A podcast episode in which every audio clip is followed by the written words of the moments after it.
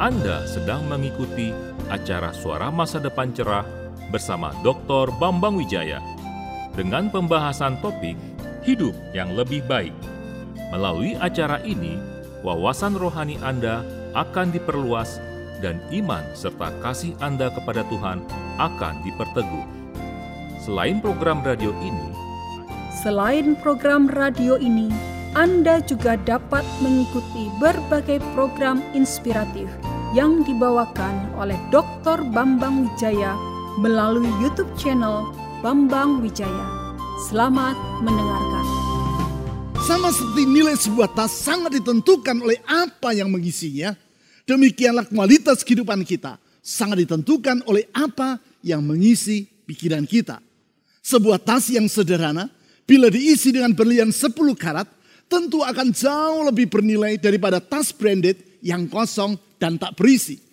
Demikian juga orang yang berpenampilan sederhana, bila yang mengisi pikirannya adalah hal-hal yang bermutu, maka kehidupannya pasti akan lebih berbobot dibandingkan orang yang berpenampilan mentereng, namun pikirannya diisi dengan hal-hal yang tak bermanfaat. Kaitan antara apa yang mengisi pikiran kita dengan bobot kehidupan kita ini ditulis dalam kitab Amsal sebagai berikut. For as he thinks in his heart, so is he. Sebab seperti orang membuat perhitungan dalam dirinya sendiri, demikianlah ia. Atau sebab sebagaimana orang berpikir dalam hatinya, demikianlah yang bersangkutan. Artinya, bagaimana keadaan diri kita yang sesungguhnya ditentukan oleh apa yang kita pikirkan. Apabila yang mengisi pikiran kita adalah hal-hal yang bermutu, maka kehidupan kita akan menjadi bermutu. Sebaliknya, apabila yang mengisi pikiran kita adalah hal-hal yang hina, maka hidup kita pun akan menjadi hina. Pentingnya peranan dari pikiran ini pula lah yang dikemukakan oleh René Descartes, filsuf, ahli matematika, dan ilmuwan dari Prancis yang hidup 400 tahun yang lampau. Yang bersangkutan terkenal dengan prinsip yang ia pegang. Yang dalam bahasa latin berbunyi, cogito ergo sum. I think, therefore I am. Aku berpikir, karena itu aku ada. Saya tidak mengajak saudara untuk mendalami, menelaah, ataupun memperdebatkan pendapat dari Rene Descartes ini. Namun yang pasti, dari sana kita dapat melihat pandangan orang tentang pentingnya peranan dari pemikiran dalam hidup manusia. Pentingnya peranan pikiran dalam hidup manusia ini bukan hanya dapat kita lihat dari sisi filsafat saja, tetapi juga dari ilmu psikologi. Penelitian yang dilakukan oleh tim psikolog dari Queen's University di Kingston, Kanada pada tahun yang lalu membuktikan bahwa rata-rata setiap hari manusia berpikir 6.200 kali. Artinya setiap jam manusia berpikir 260 kali atau 4 kali per menit siang malam tanpa henti. Dari situ dapat kita bayangkan betapa besar pengaruh pikiran manusia terhadap kehidupannya. Termasuk terhadap kebahagiaan dari yang bersangkutan. Hal itulah yang dikemukakan oleh Rasul Paulus kepada jemaat di Filipi. Dan dicatat dalam Filipi pasal 4 ayat 8. Sebagaimana yang telah kita pelajari di minggu-minggu yang lalu, surat ini ditulis oleh Rasul Paulus ketika ia berada dalam rumah tahanan di kota Roma. Sementara menunggu pengadilan oleh kaisar, ia menulis surat antara lain kepada jemaat di kota Filipi. Jemaat yang ia rintis dengan melewati berbagai kesukaran. Termasuk didera dan dijebloskan ke dalam penjara. Peristiwa itu dicatat di dalam kisah para rasul pasal 16. Sekarang, sementara berada di dalam rumah tahanan di kota Roma, ia menulis surat kepada jemaat di Filipi untuk menyampaikan ucapan terima kasih atas dukungan keuangan yang mereka berikan bagi pelayanan dan kehidupan Paulus sehari-hari. Di samping itu, di dalam Filipi pasal 4, antara lain Paulus juga mengingatkan jemaat tentang empat hal yang telah mereka pelajari, terima, dengar, serta lihat dalam diri Paulus. Keempat hal tersebut kita bahas di sepanjang bulan ini di dalam ibadah kita. Kita bahas untuk kita praktekkan dalam kehidupan kita. Sebab seperti yang ditulis oleh Rasul Paulus dalam Filipi pasal 4 ayat 9, bila kita mempraktekkan keempat hal tadi, maka Allah sumber damai sejahtera akan menyertai kita. Artinya, dalam situasi yang bagaimanapun juga, kita akan hidup dalam kehidupan yang lebih baik atau a better life. Keempat hal tadi adalah yang pertama, yaitu bersuka cita senantiasa. Hal ini diutarakan Rasul Paulus di dalam Filipi pasal 4 ayat 4 dan telah saya bahas tiga minggu yang lampau. Yang kedua, yaitu mengembangkan pengendalian diri. Hal ini ditulis oleh Rasul Paulus di dalam Filipi pasal 4 ayat 5 dan telah saya uraikan dalam ibadah dua minggu yang lalu. Yang ketiga, yaitu bebas dari kecemasan. Hal itu disampaikan Rasul Paulus di dalam Filipi pasal 4 ayat 6 sampai 7 dan telah saya jelaskan dalam ibadah di minggu yang lewat. Sekarang, hal keempat yang harus dilakukan oleh jemaat di Filipi pada masa itu dan oleh kita yang hidup di masa sekarang adalah berpikir secara sehat atau think healthy. Seperti yang telah saya utarakan tadi. Hal ini ditulis oleh Rasul Paulus di dalam Filipi pasal 4 ayat 8. Mari kita baca ayat tersebut sampai dengan ayat 9. Filipi pasal 4 ayat 8 sampai 9. Jadi akhirnya saudara-saudara, semua yang benar, semua yang mulia, semua yang adil, semua yang suci, semua yang manis, semua yang sedap didengar, semua yang disebut kebajikan dan patut dipuji. Pikirkanlah semuanya itu. Ayat 9. Dan apa yang telah kamu pelajari. Dan apa yang telah kamu terima. Dan apa yang telah kamu dengar. Dan apa yang telah kamu lihat padaku. Lakukanlah itu. Maka Allah sumber damai sejahtera akan menyertai kamu. Perhatikan frasa jadi akhirnya yang ditulis Rasul Paulus di ayat 8 ini. Frasa atau penggalan kalimat tersebut menunjukkan bahwa apa yang ia sampaikan di ayat 8 sampai 9 merupakan kesimpulan dari hal-hal yang ia sampaikan dalam ayat-ayat sebelumnya, termasuk tentunya ayat 4 sampai 7. Dari situ kita dapat mengambil kesimpulan betapa pentingnya peranan pikiran, yaitu seperti yang dibahas oleh Rasul Paulus di ayat 8 dalam kehidupan kita. Sehingga semua yang telah ia sampaikan sebelumnya, yaitu antara lain bersuka cita senantiasa, pengendalian diri, dan hidup bebas dari kecemasan, tidaklah terlepas dari kesanggupan untuk berpikir secara sehat, serta mempraktikkan semuanya itu dalam kehidupan sehari-hari. Berdasarkan ayat 8 yang telah kita baca tadi, kita dapat menarik pelajaran tentang tiga sikap yang sehat dalam hal berpikir. Tiga sikap dalam berpikir yang sehat dan yang akan menentukan kebahagiaan kita. Ketiga sikap tersebut adalah yang pertama, yaitu kita harus berpikir secara hati-hati. Saya ulang, kita harus berpikir secara hati-hati. Orang yang berpikir secara sehat tidak akan bersikap secara ceroboh tentang apa yang ia pikirkan. Apabila di masa pandemi ini kita harus bersikap hati-hati dalam menjaga diri terhadap paparan virus, maka sikap yang sama pula lah yang harus ada pada diri kita dalam menjaga pikiran kita. Kalau untuk mencegah agar tidak terpapar oleh virus, kita harus menerapkan protokol kesehatan. Termasuk di antaranya yaitu mengenakan masker secara disiplin, Demikian pula lah kita harus mengenakan masker pada semua akses yang menjadi jalan masuk bagi virus, yaitu pikiran yang keliru yang dapat mempengaruhi pikiran kita. Tentang hal itu, di ayat 8 tadi Rasul Paulus menulis seperti demikian. Jadi akhirnya saudara-saudara, semua yang benar, semua yang mulia, semua yang adil, semua yang suci, semua yang manis, semua yang sedap didengar, semua yang disebut kebajikan dan patut dipuji, pikirkanlah semuanya itu.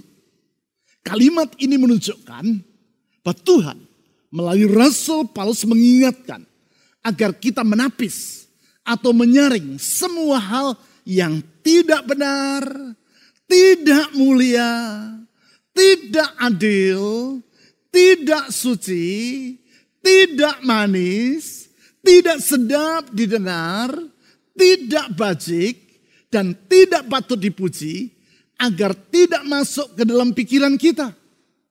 Semua itu bagaikan virus yang kalau masuk ke dalam pikiran kita akan sangat merugikan kehidupan kita.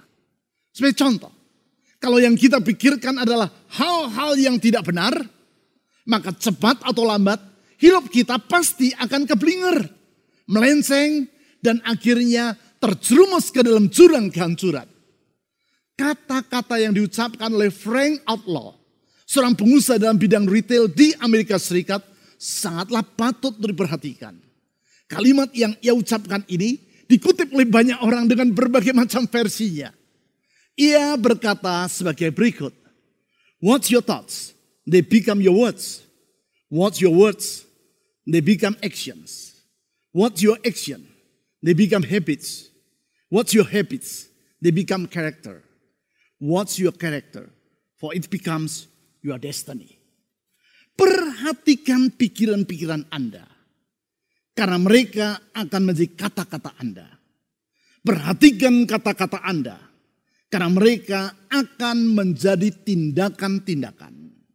Perhatikan tindakan-tindakan Anda. Karena mereka akan menjadi kebiasaan. Perhatikan kebiasaan-kebiasaan Anda. Karena mereka akan menjadi karakter Perhatikan karakter Anda. Karena hal itu akan menjadi masa depan Anda. Apa yang dikatakan oleh Frank Outlaw ini selaras dengan nasihat firman Tuhan di dalam Amsal pasal 4 ayat 23. Yaitu, jagalah hatimu dengan segala kewaspadaan. Karena dari situlah terpancar kehidupan. Perhatikan, pada dalam konsep Alkitab, hati atau lab dalam bahasa Ibrani bukanlah sekadar tempat bagi orang untuk berperasaan. Tetapi juga tempat untuk berkehendak dan berpikir. Sehingga nasihat yang disampaikan dalam Amsal pasal 4 ayat 23 tersebut juga berarti agar kita menjaga pikiran kita dengan segala kewaspadaan. Karena dari situlah kehidupan kita akan ditentukan dengan segala kewaspadaan. Artinya kita harus berpikir dengan hati-hati alias tidak sembrono. Hal itu pula lah yang dikemukakan oleh Patrick Buchanan, Direktur Komunikasi di Gedung Putih, komentator dan kolumnis Amerika Serikat yang sangat terkenal melalui kata-kata yang ia ucapkan. The food that enters the mind must be what as closely as the food that enters the body. Makanan yang masuk ke dalam pikiran harus dijaga seketat seperti makanan yang masuk ke dalam tubuh. Kalau kita bersikap ceroboh dalam hal makanan, seperti misalnya makan makanan yang mengandung lemak jenuh dan kadar gula yang tinggi, maka tentu kesehatan tubuh jasmani kita akan terganggu. Demikian juga kalau kita bersikap ceroboh dengan pikiran kita. Singkat kata, kita harus berpikir secara hati-hati. Yaitu dengan tidak memasukkan hal-hal yang tak bermutu ke dalam pikiran kita. Berikutnya, sikap yang kedua dalam hal berpikir secara sehat adalah berpikir secara benar. Saya ulang. Sikap yang kedua dalam hal berpikir secara sehat adalah berpikir secara benar. Yang saya maksudkan dengan berpikir secara benar di sini bukan sekedar berpikir dengan silogisme atau urut pikir yang benar, maupun berpikir berdasarkan informasi yang benar saja. Memang, kalau orang berpikir dengan urut pikir yang keliru dan berdasarkan informasi yang salah, maka pikiran yang bersangkutan menjadi tidak benar. Tetapi berpikir secara benar lebih daripada itu. Berpikir secara benar adalah mengisi pikiran dengan hal-hal yang mulia. Beberapa bulan yang lalu saya pernah berkata, pada dalam ilmu komputer atau computer science dikenal istilah garbage in, garbage out. Artinya, kalau yang kita masukkan adalah sampah, maka yang keluar adalah juga sampah. Artinya, kalau data yang kita masukkan dalam sistem komputer adalah data yang keliru, maka output yang dihasilkan oleh komputer tersebut juga akanlah keliru. Kalau angka-angka yang kita ketik pada keyboard atau papan ketik dari komputer tidak tepat, maka hasil perhitungan yang kita peroleh juga akan meleset. Berarti kualitas dari apa yang kita masukkan dalam sistem komputer akan sangat menentukan mutu dari yang ia hasilkan. Demikian pula lah kalau kita mengisi pikiran kita dengan hal-hal yang mulia. Maka pikiran kita pun akan menjadi benar dan hal-hal yang kita kerjakan juga akan menjadi tepat. Sebagai contoh, kalau yang mengisi pikiran kita adalah pandangan bahwa bekerja secara jujur merupakan sikap yang luhur, maka pikiran kita pun akan menjadi pikiran yang sehat. Bukan itu saja, kehidupan kita juga akan menjadi sehat. Mengapa? Karena pikiran tersebut akan membuat kita menjadi rela untuk bekerja dengan rajin. Tidak mencari jalan pintas, yaitu dengan menipu kanan dan kiri demi mendapatkan keuntungan yang besar. Tidak. Sebaliknya, demi menjaga kejujuran, kita akan rela bekerja dengan rajin. Bukankah hal itu merupakan kehidupan yang bugar dan cara pikir yang sehat? Sekali lagi, berpikir secara benar adalah mengisi pikiran kita dengan hal-hal yang mulia. Hal tersebut diutarakan oleh Rasul Paulus di ayat 8 tadi. Mari kita baca kembali ayat tersebut. Filipi pasal 4 ayat 8. Jadi akhirnya saudara-saudara, semua yang benar, semua yang mulia, semua yang adil, semua yang suci, semua yang manis, semua yang sedap didengar, semua yang disebut kebajikan dan patut dipuji, pikirkanlah semuanya itu. Di dalam bahasa Yunani, yaitu bahasa yang digunakan Rasul Paulus untuk menulis surat kepada jemaat di Filipi ini, di ayat 8 tadi, ada enam hal yang ia utarakan dan yang harus senantiasa mengisi pikiran kita. Guna memudahkan seorang untuk melihat keenam hal tersebut, saya akan membaca ayat 8 tadi di dalam bahasa Inggris. Filipi pasal 4 ayat 8. Finally brothers, whatever is true, whatever is honorable, whatever is just, whatever is pure, whatever is lovely, whatever is commendable, if there is any excellent, if there's anything worthy of praise, think about these things. Perhatikan, di ayat ini ada enam hal yang diawali dengan kata whatever atau hosos dalam bahasa Yunani. Yang artinya antara lain adalah apa saja atau semuanya. Kenam hal yang diawali dengan kata whatever tersebut adalah true atau benar. Honorable atau patut dihormati. Just atau adil, pure atau suci, lovely atau indah, dan commendable atau patut dikagumi. Lebih jauh, keenam hal tersebut dikatakan oleh Rasul Paulus sebagai hal-hal yang bersifat excellent. Artinya mulia. Dan worthy of praise. Atau patut untuk dipuji. Kemudian ia berkata semuanya itu harus senantiasa dipikirkan oleh umat Tuhan.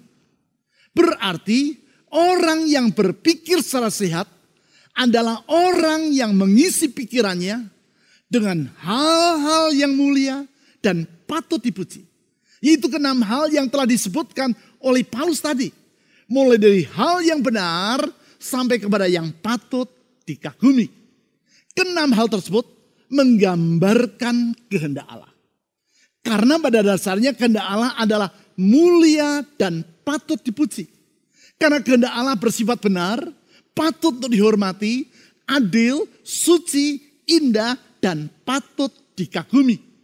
Tidak ada kehendak Allah yang tak benar. Tidak ada kehendak Allah yang tak patut dihormati. Tidak ada kehendak Allah yang bersifat tidak adil, tidak suci, tidak indah, dan tidak patut dikagumi. Tidak ada. Semua yang Allah kehendaki bersifat mulia dan patut dipuji. Sebab semuanya itu mencerminkan kebenarannya. Pentingnya untuk memahami pikiran yang benar inilah yang diutarakan oleh Mark Twain, sastrawan besar dari Amerika Serikat yang hidup di abad yang silam. Penulis buku novel yang sangat terkenal, The Adventure of Tom Sawyer tersebut, antara lain dikenang orang karena kalimat yang ia tulis dalam buku riwayat hidupnya. Kalimat yang berbunyi, What a wee little part of a person's life are his acts and his words.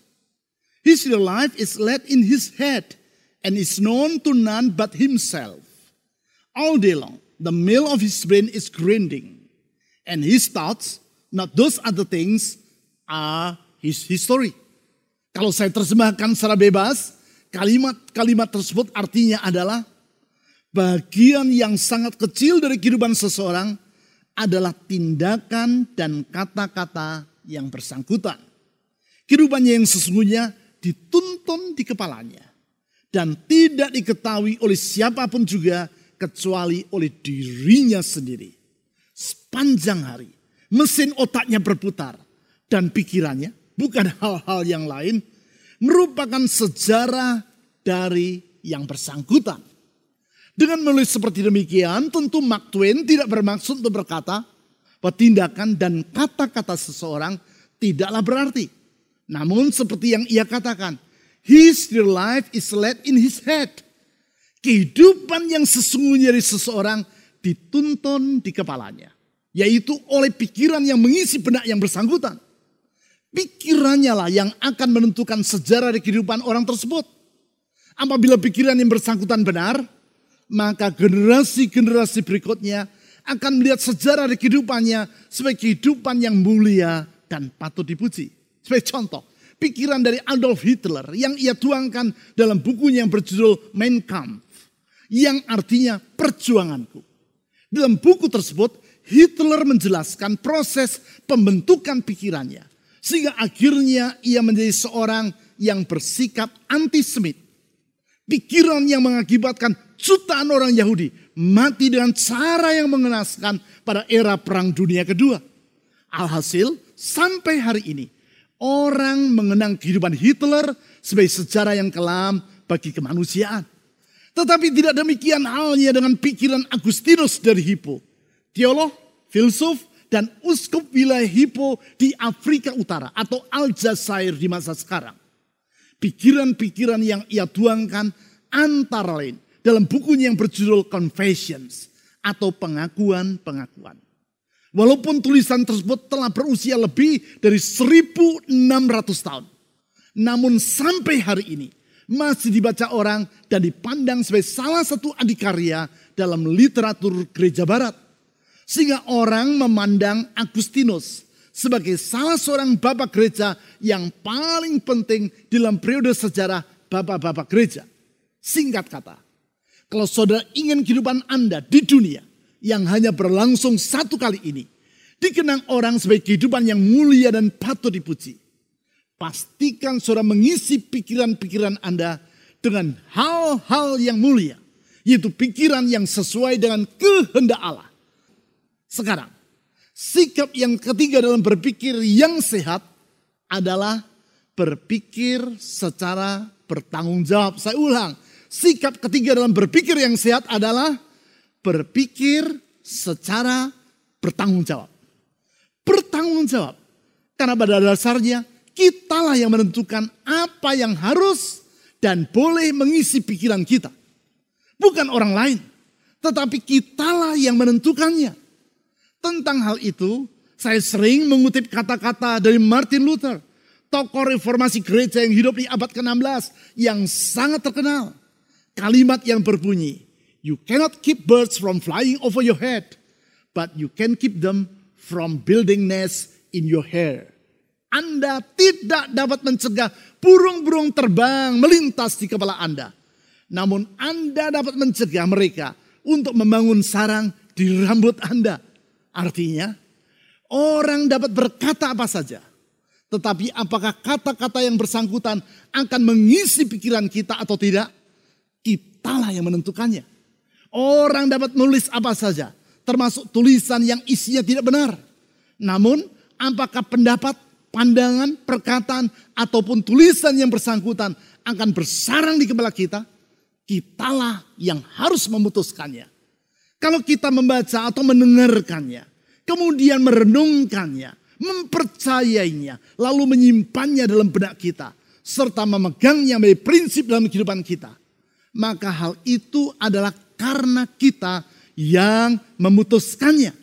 Demikian pula, apakah pikiran kita akan diisi dengan hal-hal yang benar, mulia, dan patut dipuji, maka kitalah yang wajib untuk menentukannya. Berarti semua itu merupakan tanggung jawab kita. Hal tersebut tercermin dalam penggalan kalimat terakhir di ayat 8 yang ditulis Rasul Paulus tadi. Yaitu, pikirkanlah semuanya itu. Kata pikirkanlah dalam penggalan kalimat ini, di dalam bahasa Yunani, ia tulis dalam bentuk kata kerja present imperative active. Present artinya bersifat terus menerus atau senantiasa imperatif, artinya suatu keharusan. Aktif, artinya kitalah yang bertanggung jawab untuk melakukannya. Present imperatif, artinya di setiap saat, kapan pun, dalam keadaan yang bagaimanapun, kita harus mengisi pikiran kita dengan hal-hal yang mulia dan patut untuk dipuji. Yaitu hal-hal yang sesuai dengan kehendak Allah. Aktif, artinya apa yang mengisi pikiran kita merupakan pilihan kita dan tanggung jawab kita. Berarti kitalah yang harus bertanggung jawab untuk membangun kehidupan dengan mengisi pikiran kita dengan hal-hal yang excellent dan worthy of praise atau mulia dan patut dipuji. Bukannya dengan kekhawatiran, namun dengan ucapan syukur kepada Tuhan. Bukannya dengan kata-kata yang melemahkan iman kita sendiri, namun dengan firman Tuhan yang membangun iman kita. Di sinilah pentingnya bagi kita untuk membaca dan merenungkan firman Allah dalam Alkitab secara teratur. Yaitu dengan melakukan ibadah harian pada setiap pagi, siang, dan petang hari. Dengan cara demikian, kita secara bertanggung jawab mengisi pikiran kita dengan kebenaran. Di sini pentingnya untuk memberi persembahan kepada Tuhan secara teratur, yaitu di setiap ibadah kita. Sebab setiap kali kita memberi persembahan kepada Tuhan, sesungguhnya kita mengisi pikiran kita dengan ucapan syukur kepadanya. Ucapan syukur dan pujian kepada Tuhan yang akan membangunkan fajar, menghapus kegelapan, dan menerbitkan terang, yaitu berkat Allah dalam kehidupan kita. Di masa lalu, setiap kali saya akan mengganti komputer saya dengan yang lebih baru, saya tidak perlu mengeluarkan dana untuk itu. Caranya, yaitu saya menjual komputer saya yang lama kepada teman-teman yang berminat untuk memilikinya. Komputer lama yang sudah saya pakai selama beberapa tahun. Tetapi mereka rela untuk membelinya dengan harga yang sama seperti komputer yang baru model yang baru dengan kapasitas yang lebih tinggi yang akan saya beli. Padahal seharusnya komputer yang bekas apalagi sudah lama harganya jauh lebih murah. Mengapa mereka rela membelinya dengan harga yang mahal? Untuk itu ada rahasianya. Rahasianya yaitu saya meninggalkan sebagian dari catatan dan naskah khotbah saya di dalam komputer yang lama itu. Catatan dan naskah khotbah itulah yang mengakibatkan mereka dengan senang hati membeli komputer bekas dan yang sudah lama tadi dengan harga yang mahal. Artinya bukan komputernya, tetapi apa yang menjadi isinya, yaitu catatan khotbah saya. Itulah yang menjadikan komputer itu berharga bagi mereka. Demikian pula dengan hidup kita. Kalau kita mengisi pikiran kita dengan hal-hal yang bermutu, yaitu karena kita berpikir secara sehat atau secara hati-hati, benar dan bertanggung jawab, maka hidup kita pun akan menjadi bermutu. Salah satu cara untuk melakukan hal itu adalah melalui mengisi pikiran kita dengan firman Tuhan. Firman Tuhan yang kita pelajari antara lain melalui kelompok pemuridan dasar kekristenan yang kita laksanakan dalam gereja kita. Dan yang kita beri nama pemuridan pola hidup dalam kerajaan Allah.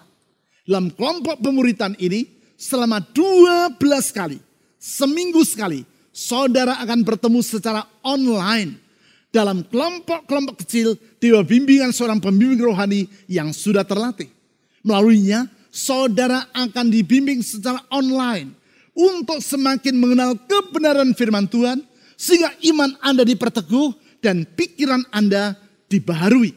Dengan demikian, maka saudara dapat berjalan secara berkemenangan di dalam segala keadaan.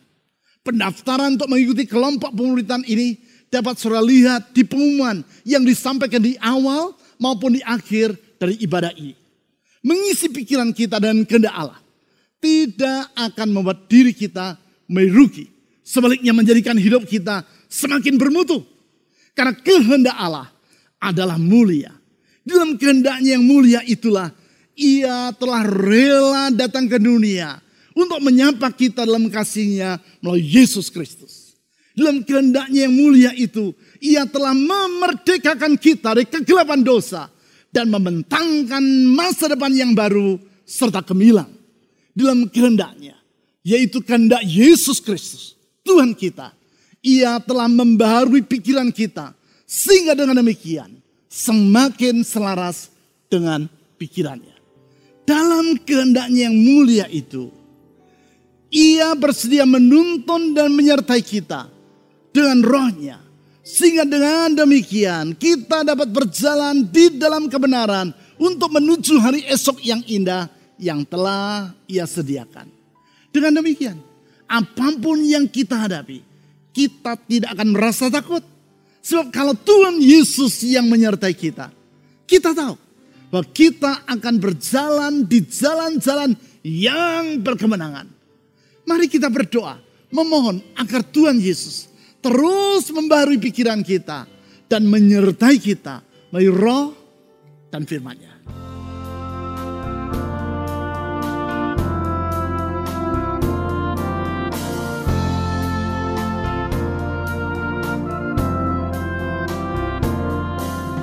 Anda telah mendengarkan acara Suara Masa Depan Cerah dengan pembahasan topik hidup yang lebih baik. Pekan yang akan datang, Dr. Bambang Wijaya akan melanjutkan topik tersebut pada hari, jam, dan gelombang radio yang sama. Pastikan Anda mengikutinya.